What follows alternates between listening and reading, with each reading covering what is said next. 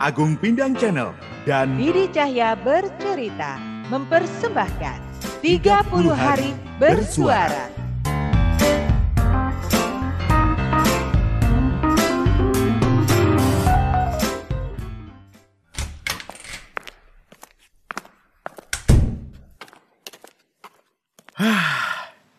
Akhirnya sampai juga di dalam kamar ini.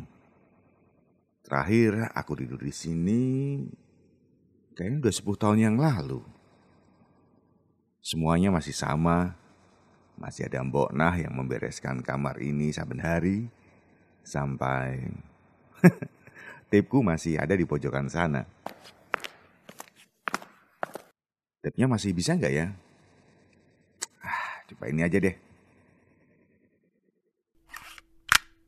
Ya, suaranya udah nggak enak lagi.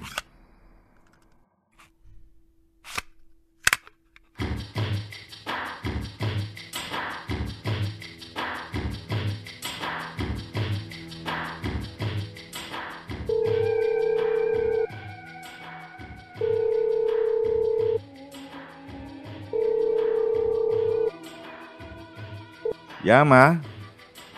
Udah. Aku udah makan. Hmm. Ya. Apa perlu? Malam ini aku gantiin mama di rumah sakit. Hmm. Oh. Oke. Berarti malam ini mama pulang. Oh. Sudah ada yang jaga. Ya sudah. Bisa aku ke rumah sakit ya? Ya, Ma. Oke.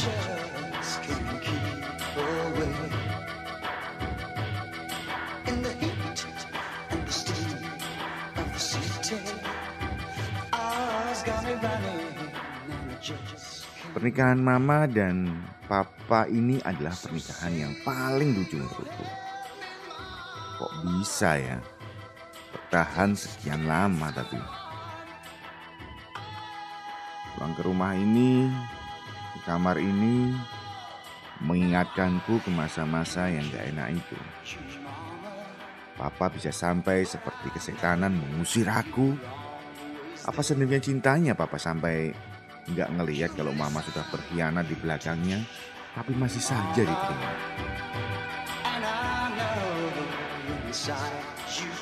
Untung setelah runang-runtung gak jelas, ketemu sama Anya. Tapi asal tahu aja ya, kalaupun mau diteruskan hubunganku dengan Anya ke jenjang pernikahan, ya pasti bakal ribut juga.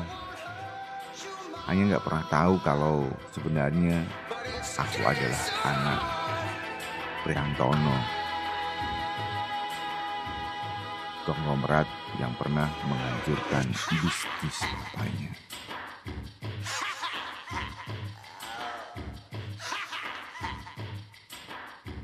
Waktu itu aku juga tidak pernah bertanya ke Anya tentang pekerjaan orang tuanya.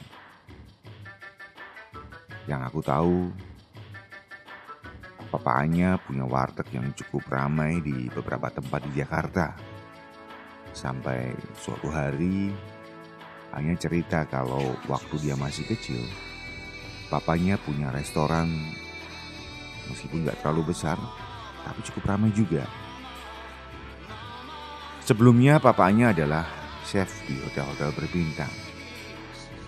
Setelah tabungannya cukup, papanya membuka restoran sendiri.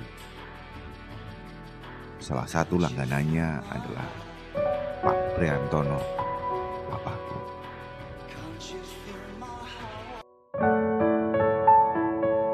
Ternyata papaku sering makan di sana karena sedang melakukan survei untuk membebaskan tanah yang dibutuhkan. Waktu itu papa memperluas mall yang sudah berdiri tiga tahun sebelumnya. Lokasi restoran papa Anya termasuk yang diincar. Yang jelas waktu itu papa Anya meminta waktu untuk menemukan lokasi restoran yang baru. Sementara si pemilik tanah menentukan bahwa semakin mundur semakin mahal hargai tanah yang diincar. Papa kemudian mencari akal agar restoran itu segera tutup. sampai dia supaya dia bisa cepat bertransaksi. Papa kemudian memanggil preman-preman bayaran untuk mengganggu papanya Anya. Puncaknya adalah saat preman-preman itu datang, menghancurkan restoran Papa Anya, termasuk mematahkan jari-jarinya sehingga nggak bisa berfungsi maksimal lagi.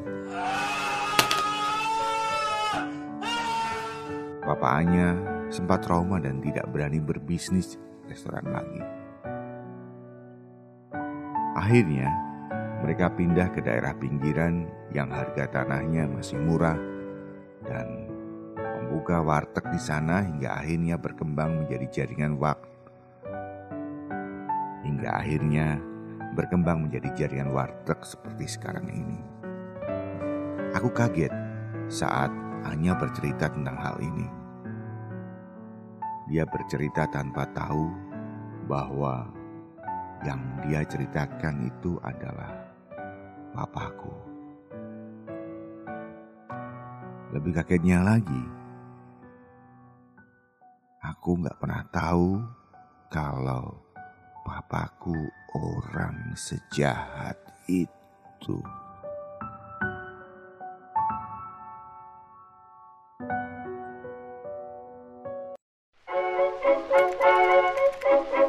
Gimana ayang-ayang Didi dan Pindangers?